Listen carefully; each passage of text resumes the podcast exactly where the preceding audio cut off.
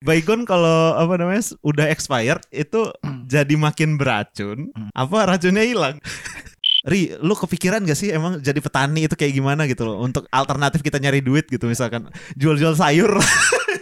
Sama seperti ya yang gue bilang tadi gue nyoba nanam toge pak Mm. Coba nanam toge tapi kok kuning gitu loh Perasaan yang di pasar gue ngebeli goceng gitu ya Bagus, Udah plastik gede kok bagus hasilnya Kalau kehidupan petani gitu sih. Berangkat pagi Misalkan tengah hari udah di rumah Ada waktu istirahat Ya sore atau apa ya Mungkin ngurusin hal lain Yang ada bisa dikerjain Iya. Malam istirahat ya pagi gitu Ya. Senangnya bisa Waktu ngerawat. sama keluarganya lebih Ad- banyak. Pertama ada sama eh, Kayaknya para petani juga seneng deh Bisa ngerawat apa yang mereka punya Bisa mereka jaga sampai Jadi inilah aset ke anak-anaknya nanti. Iya. Turun temurun betul itu. Iya kayak gitu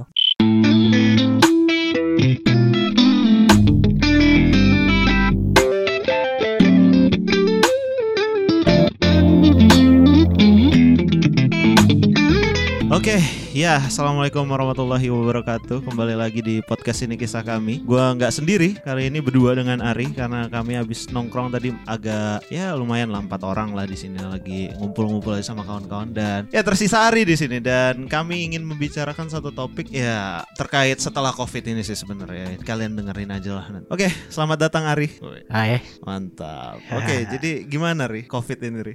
Pengaruhnya ke hidup lu tuh gimana gitu? Pengaruh ke dampak dari ya nggak usah sosial ya. Sosial kita udah tahu semua lah kalau sosial ngaruhnya kayak gimana gitu loh. Kayak susah ngumpul segala macam. Tapi kalau dari segi keuangan gimana Ri sebagai anak rantau? Itu anak rantau. Padahal masih satu provinsi tapi cukup jauh ya. Per- berapa perjalanan Ri? Berapa Ah, jam kira-kira dari? berapa ya kalau dari tempat gua ke pusat kota ya kayak kita di Bandar Hmm. Lampung kan sekarang eh, 4 jam lah 4 jam. 4 jam gua bawa motor sih jadi cepet ya sebenarnya naik mobil malah lebih cepet lewat tol Kalau di kilometer berapa sih kira-kira? Kayaknya 4 jam itu kayak terkesan ah nggak jauh-jauh amat lah. iya emang gak jauh sih Nggak jauh tuh. karena jalannya enak sih Oh, ja- karena jalannya enak. Biasanya cuma lewatin jalan besar aspal terus udah intinya anak rantau lah gitu. Dan satu pertanyaan dari gua untuk dampak gimana ya? Keuangan gitu kan sebagai anak kos kiriman gimana lancar? kiriman ya alhamdulillah orang tua masih bisa lah cuman eh, mungkin saat-saat kayak gini ya gue juga mulai berpikir lah. Kayaknya orang tua juga udah bakal ngerasain susah sih. Soalnya bener-bener dampaknya itu eh, utamanya ke pekerjaan orang tua gue ya. Eh, kayak orang tua gue kan emang di sana petani karet ya. Oke. jadi eh, kalau kata ayah gue sendiri sih pada saat awal banget tuh covid emang tuh harga karet di pabrik sendiri emang turun banget tuh am. Turun banget ya. turun banget. Jadi bahkan bukan turun ya sempat pabrik tuh tutup seminggu. Dan ya stok karet ayah gua di sana tuh kayak jadi nggak kejual dan Iya terbengkalai gitu. nah ya ya cuman memang itu cuman ber- ya berlangsung selama berapa minggu aja gitu kan Ya, awal-awal itu ya. awal-awal Di banget awal Maret itu kan. Iya bener awal banget tuh Ya untuk saat ini ya Ya sebenarnya udah lancar Cuman memang eh, kayaknya sih Untuk harganya sendiri emang belum normal deh Gue mau nanya dulu, itu karet itu bisa basi gak sih sebenarnya? Karet Kan sebagai orang awam yang nggak ngerti apa-apa, Oke. karet tuh bisa basi gak sih? Ini gua jelasin Kan secara kasarnya kopi, aja ya kan kayak kopi kalau kelamaan disimpan ya nggak tahu sih kopi emang Atau ya jangka waktunya lama lah kan kering kan gitu ya. Iya Cuman karet kan yang setahu gue sih kalau getah karet kan basah sih ya. Itu bisa basi gak sih? Apa tiba-tiba ngeras gitu kan? Kita nggak tahu nih. Gue sebagai orang yang nggak pernah berurusan dengan karet mau nanya juga sih. Simpelnya gitu. Eh, Oke, gua jelasin secara kasar aja ya. Yang pertama karet bukan makanan ya, jadi nggak bisa basi. Eh, ya terus gini ya.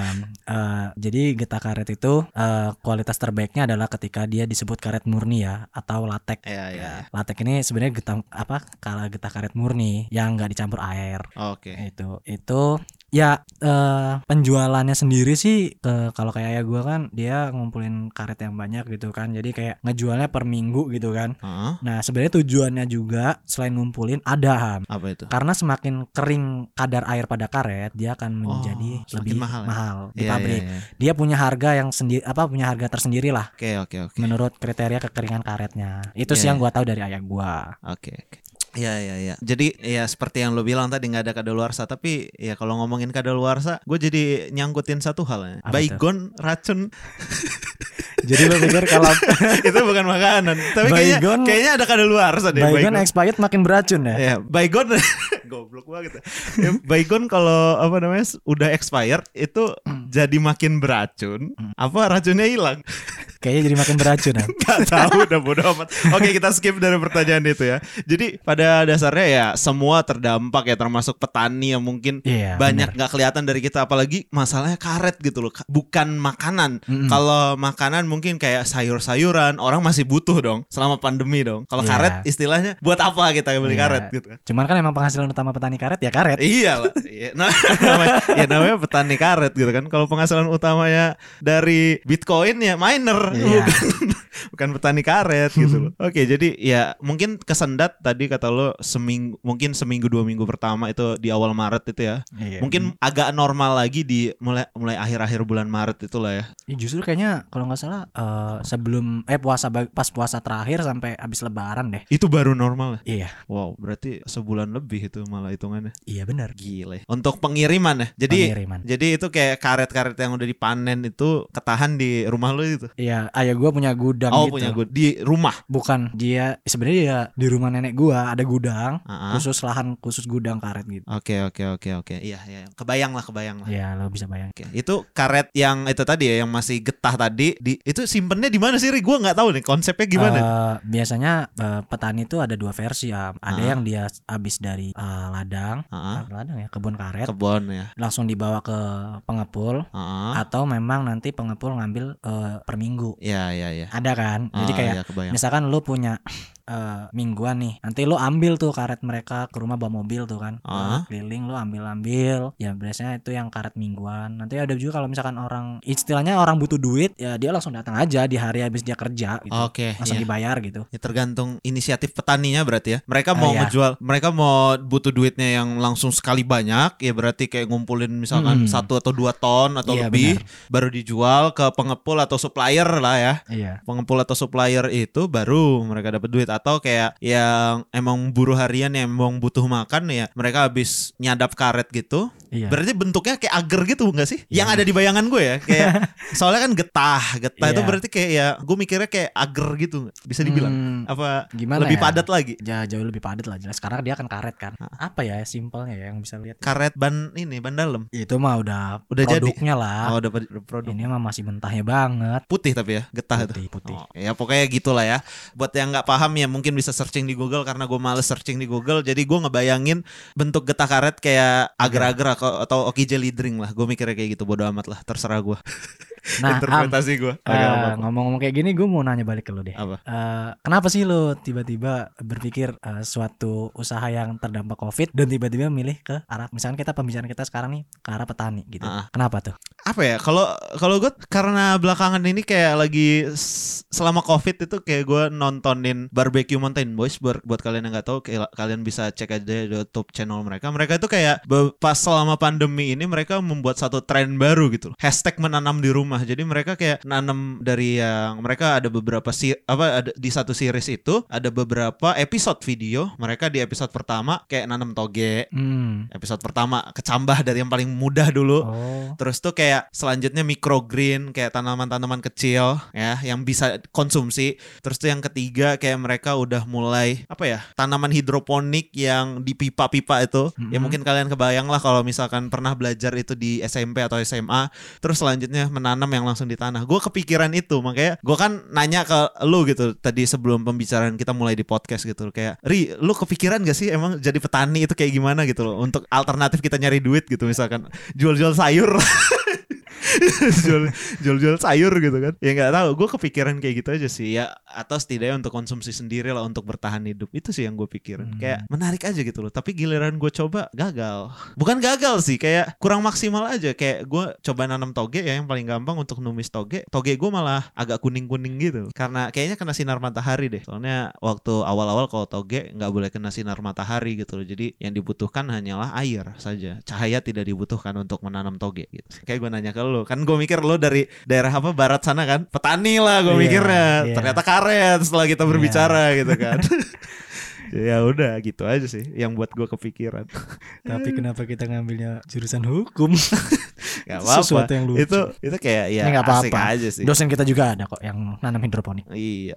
Ya, nah kalau apa namanya selanjutnya gitu kan, kalau lu ini apa orang tua lu nanam eh ya pokoknya sebagai petani karet lah gitu. Mm-mm. Itu kayak ngirimnya itu sekarang udah normal lagi atau kayak gimana udah yang karet-karetnya tadi menumpuk udah dikirimkan udah pada dikirimin apa masih numpuk juga gitu loh di rumah. Eh, udah sih Eh, terakhir kemarin yang pas saya gue nelpon itu Oh, dia iya. kan lagi bawa ke Jambi itu dia itu Ah. dia mau ngirim karet tuh pas Oh udah ngirim karet. Iya. Jadi oke. ya gitu Oke menarik menarik menarik. Jadi ya hidup sebagai pet- anak petani di kala pandemi ini ya memang apalagi bukan petani yang apa ya. Kalau kayak kopi mungkin masih makanan lah kategorinya. tapi kalau kopi juga musiman kan Iya sih, kayak lumayan nyaman iya juga. sih, iya sih. Beda sih. Kalau karet kayak karet itu panennya berapa seminggu sekali Nggak, bisa? kalau Apa? karet tuh sistemnya gini eh lo bisa aja tiap hari nyadap karet Ah, tapi cuman nggak banyak. eh, bukan nggak banyak eh, cuman dia juga kalau karet ini tergantung cuaca sih musim maksudnya lebih ke musim ya kayak kalau kemarau ya biasanya debit getahnya itu akan nggak terlalu banyak oh, nggak terlalu banyak. Iya, cuman kalau pas lagi musim hujan ya mungkin musim bagus gitu kan. Hmm, Kalau di musim-musim kayak hujan gitu kesempatan petani untuk mupuk dan segala macam untuk merawat karet itu walaupun Oh. ibaratnya walaupun pohon karet lu bilang udah gede banget juga, tapi mereka juga tetap dikasih makan supaya menghasilkan getah yang maksimal. Oke oke. Ya berarti apa kan gue mikirnya kayak ya karena ada salah satu dosen juga dulu yang ngomong gitu loh kalau petani jati apa petani karet itu salah satu golongan petani yang malas gitu istilahnya karena mereka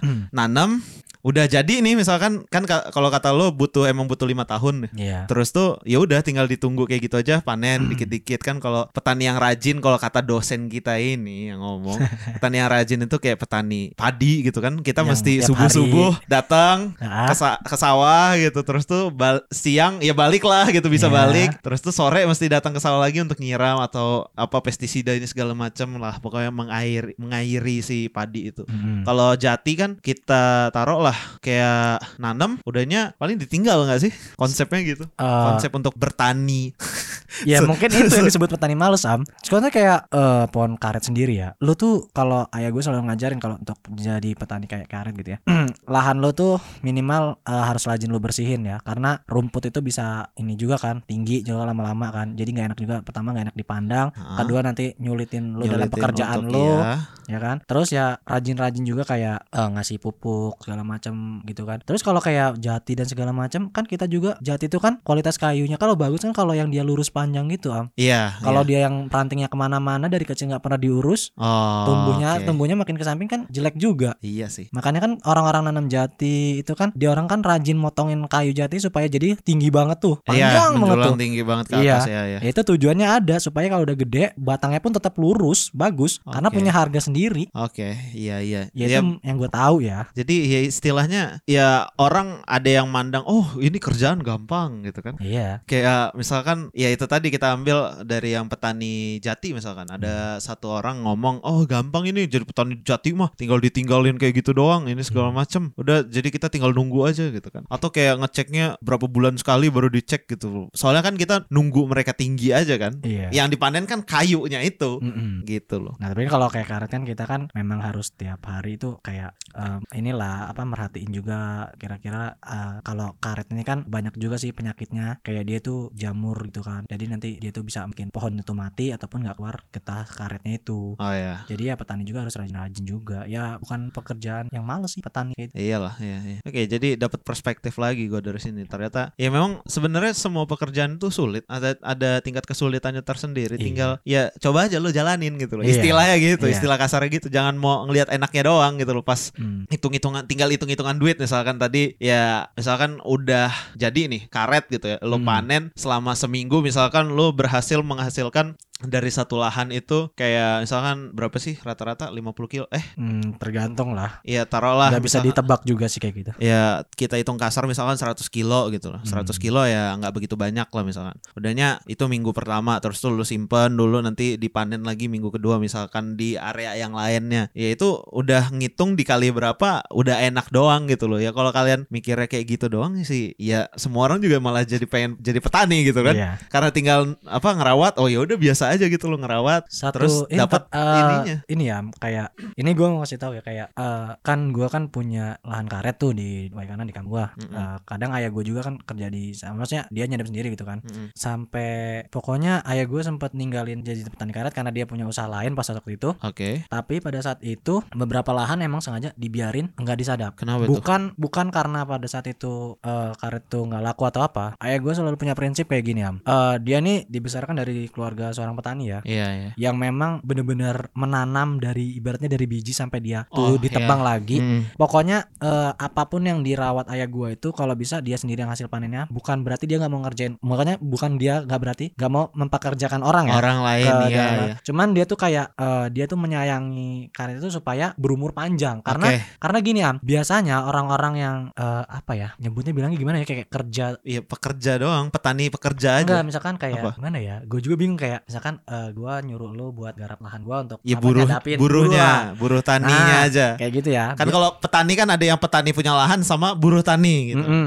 Nah biasanya kan eh, orang-orang kayak gitu kan memang bisa memang tahu cara nyadap tapi bukan berarti mereka tahu cara merawat. Ah ya, ya, nah ya. kalau ya. ayah gua nggak mau eh, tanaman yang dia rawat dari kecil nih beratnya Iya, sampai iya. tumbuh besar orang tuh cuman bisa ngerusak aja. Nah Oke. itu ayah gua kayak gitu. Ya atau dia ya udah bener panennya, cuma ngerawatnya nggak bener gitu. Iya, jadi dia emang nggak pernah rumah bukan nggak pernah mau ya mungkin emang tapi kadang juga ada gitu emang yang ayah gua tahu orang ini bisa Ah, di ya bisa percaya disuruh lah ya percaya bisa disuruh ngerawat sama sekaligus dia jadi nih buruh tania gitu tuh pernah juga kayak gitu. Oke, ya jadi istilahnya kayak apa ya? Kayak apa? Iklan kecap bango gue jadi keinget. Kayak Iya. Malika Nah itu merawat sebenarnya seperti anak sendiri. Iya. Iya bener gak sih? Bener, gitu gak sih kata-kata? Ya, gitu. itu apa ya? Sudut pandang baru sih menurut gue dari seorang petani yang ya memang dasarnya emang basicnya petani banget gitu. Iya. Bukan Gua bukan anak petani yang lagi. buruh tani ya. Iya. Ya kebetulan mungkin karena alhamdulillahnya punya uang lebih gitu atau punya lahan gitu kan. Iya. Kan ada orang yang cuma ya udahlah gue kerja aja gitu dapat duitnya dari situ kerja dari Hmm. orang lagi. Eh, Oke menarik menarik menarik. Ada Terus- menit apa? Eh, terus nih am, eh, lu punya menurut lu nih Ah, perspektif pandangan petani yang lu pertama kali tahu dan misalkan lu pernah kebayang nggak ketika lu jadi seorang petani tuh gimana gitu? Kalau gue kebayangnya jadi petani ya, gue bukan petani sih sebenarnya. Gue nyoba lele, ternak lele Ternak lele. atau ikan mas gitu. Iya. Cuma males ngurusnya. Pertama, gue udah ngebayangnya, wah enak nih, gampang nih ya. Wah udah udah setel yakin nih punya modal berapa ratus apa punya modal berapa juta bangun kolam, bangun kolam cuman ya 4 meter doang lah di samping rumah gitu. Kayak cuman buat ya berapa juta gitu. Terus Mhm. tuh sama untuk beli bibit ikan 600 ekor gitu. Ya udah cuman setel yakin aja gitu loh jadi peternak ya yang beda-beda tipis lah sama petani lah. Sama-sama mengolah satu bahan ya, satu makhluk apa satu makhluk hidup ya udah biar bisa jadi banyak dan menghasilkan uang untuk kita sendiri. Tapi gue coba di situ nerapin kok kayaknya susah gitu loh. Terus tuh gue mikir ini orang-orang kok gampang ya memang ada ilmunya masing-masing sih. Kayak Mm-mm. gitu sih menurut gue kayak gue nyoba ya memang tetap panen cuman lama banget panennya dan ikannya juga kecil-kecil ternyata karena saya malas merawatnya, malas nguras kolamnya. Nah, ternyata itu capek. Tadi, ya itu. Ternyata Makanya. capek. gitu. Anjrit. Emang harus nyoba sendiri sih. Iya. Sama seperti ya yang gue bilang tadi, gue nyoba nanam toge, Pak. Mm. Coba nanam toge tapi kok kuning gitu loh. Perasaan yang di pasar gue ngebeli goceng gitu ya. Bagus Udah plastik gede, kok bagus hasilnya. ya gitu sih, gue mikirnya di situ sih. Ya, Emang susah jadi nggak petani. mudah kan? Jadi buat kalian ya hargailah para petani kayak yang sesimpel kalian minum kopi di apa kafe-kafe kalian itu misalkan kalian minum kopi itu jadi lebih memaknai minum kopi tersebut atau kalian make apa ya make motor gitu simpelnya dari karet tadi yang Ari ngomong Hmm. kayak lo make apa namanya make ban ya make ban motor terus tuh ban motornya pecah ya coba hargai lagi lah pikir lagi ya memang eh, itu apes di lo nya aja nggak usah nyalahin ah bannya goblok nih yang buat ban gitu. jangan kayak gitu itu ada petani yang berusaha keras mungkin itu lagi sial di lo aja sih sih anjing Kayaknya bagian itu harus hilang. bodoh amat lah ya masuk masuk aja paling gua cut cut dikit aja lah ini Tapi satu hal yang gua suka kayak hidup dari hidup petani nih ya. Ini Ah. dari kesehariannya ya. Kita nggak bicara soal ini ya. Nih lo bayangin ya, petani tuh kayaknya enak banget ya. Enaknya dalam artian gini, gua nge ngebayangin enaknya tuh kayak gini ya. Apa? Lo misalkan pagi pergi ke tempat kerja lo misalnya dalam artian ladang, Iya, lahan, lahan segala ya. kebun lo segala macam. Lo tuh tengah hari udah pulang. Sore tuh kayak sampai malam tuh ya lo banyak waktu di rumah, Iya. ngobrol main gitu kan. Iya, iya. Memang nggak sesibuk orang-orang di kota yang kantoran dan gajinya juga nggak banyak banget gitu. Iya, nggak Punya penghasilan yang nggak banyak banget, cuman mungkin berkecukupan. Iya. Cuman kayak apa ya? Ya ada ininya sendiri lah. Ada apa ya? Feelnya sendiri lo bisa banyak waktu di rumah juga Iya. gitu. Terkadang itu yang gue inginkan sebenarnya dari orang tua gue juga gitu. Maksudnya kayak kerjanya memang udah waktunya pulang Hmm. cukup, ya waktu di rumahnya pun ya ada. Ah, Ya, itu tadi gitu. sih Ya, kalau perspektif petani kayak Ah. gitu. ya nyantai jam kerjanya itu mereka sendiri yang ngatur. Iya, bener. Mereka sendiri yang ngatur, mereka mau kerja rajin gitu misalkan kayak misalkan oh udah nih selesai nih tugasnya ini nganuin karet, getah karet misalkan ngambil dari Hmm. apa orang tua lu sebagai petani karet gitu. Tapi sebenarnya apa namanya? Lu punya jam luang kosong tuh dari siang itu misalkan udah habis nyadap karet Iya. punya jam jam luang kosong itu entah lu bisa milih lu mau pulang aja nyantai di rumah atau yang kedua lu bisa ngerapihin kebun lu sendiri Nah, itulah. pilihan ada di lu Iya. lu mau menentukan kualitas karet lu itu kayak gimana kenyamanan lu di tempat kerja gimana misalkan lu mau Hmm. bersih bersih gitu rumputnya iya. kan Iya, bener, bener itu bener kok, bener. masuk akal di situ Iya. jadi lu yang nentuin kerja terus tuh kalau dibandingkan dengan orang yang kerja kerja kantoran di kota ya gajinya ya biasa aja lah 4 juta lah taruh Ya, kita ya. pukul rata-rata kalau untuk di Lampung untuk PNS yang golongan ya kayak ayah gue ya paling gajinya di angka segitu 4 sampai 5 juta 4 juta sih kayaknya gue nggak yakin lebih dari itu gaji pokoknya segitu ya kerjanya dari jam 7 atau jam 8 pagi sampai jam 4 sore gitu Hmm. Iya emang jam bener-bener jam kerja. Iya jam banget. kerja pada umumnya gitu loh jam kerja kayak- PNS gitu lah Ya kalau kehidupan petani gitu sih. Berangkat pagi Misalkan tengah hari udah di rumah Ada waktu istirahat Ya sore atau apa ya Mungkin ngurusin hal lain yang ada bisa dikerjain Iya. Malam istirahat ya pagi gitu Ya. Senangnya bisa waktu ngerawat. sama keluarganya lebih Ad- banyak. Pertama ada sama eh, Kayaknya para petani juga seneng deh Bisa ngerawat apa yang mereka punya Bisa mereka jaga sampai Jadi inilah aset ke anak-anaknya nanti. Iya. Turun temurun betul itu. Iya kayak gitu. Iya biasanya emang kayak gitu sih. Emang kayak apa ya punya lahan atau punya kolam atau ya lahan perkebunan gitu Iya. kebun karet tadi lo urus ini segala macam misalkan lo turunin ke anak ya walaupun misalkan anak lo nggak pengen kayak gitu misalkan Iya atau ya lo lah dari orang tua lo sebenarnya udah ngerawat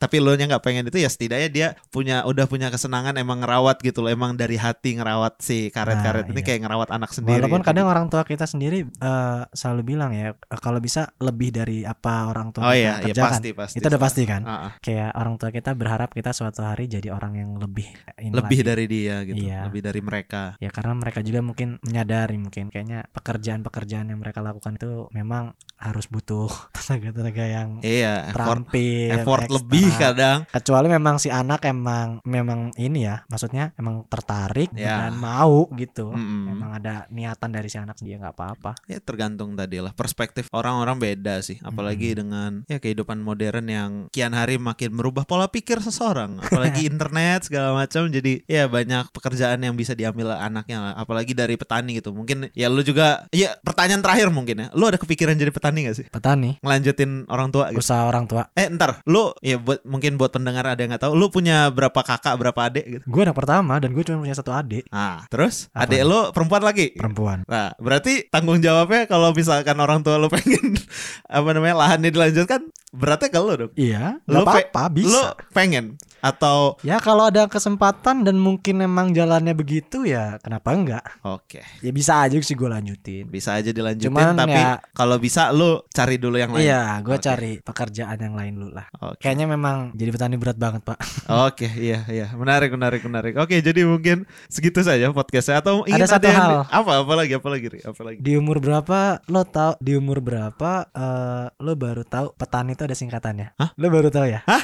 petani ada kepanjangannya pak Apa? ini mau denger kan peta enggak, beneran serius. nggak ini? beneran beneran panjangan beneran apa beneran bercanda? beneran denger dulu Iya iya iya apa? petani itu punya kepanjangan penyangga tatanan negeri Oh, oke oke coba aja kalau nggak percaya cari di internet kalau Oke. gue bohong oke. nanti dikira gue nggak ada ya gue nggak tahu tapi ya mungkin nanti akan gue cari tapi gue baru tahu iya petani serius Oke, oke. makanya kenapa negara kita ini negara agraris sekali agraris ya. Ah, penyangga tatanan negeri. penyangga tatanan negeri Oke, iya iya iya. Iya iya iya. Iya gue baru tahu anjir fuck man.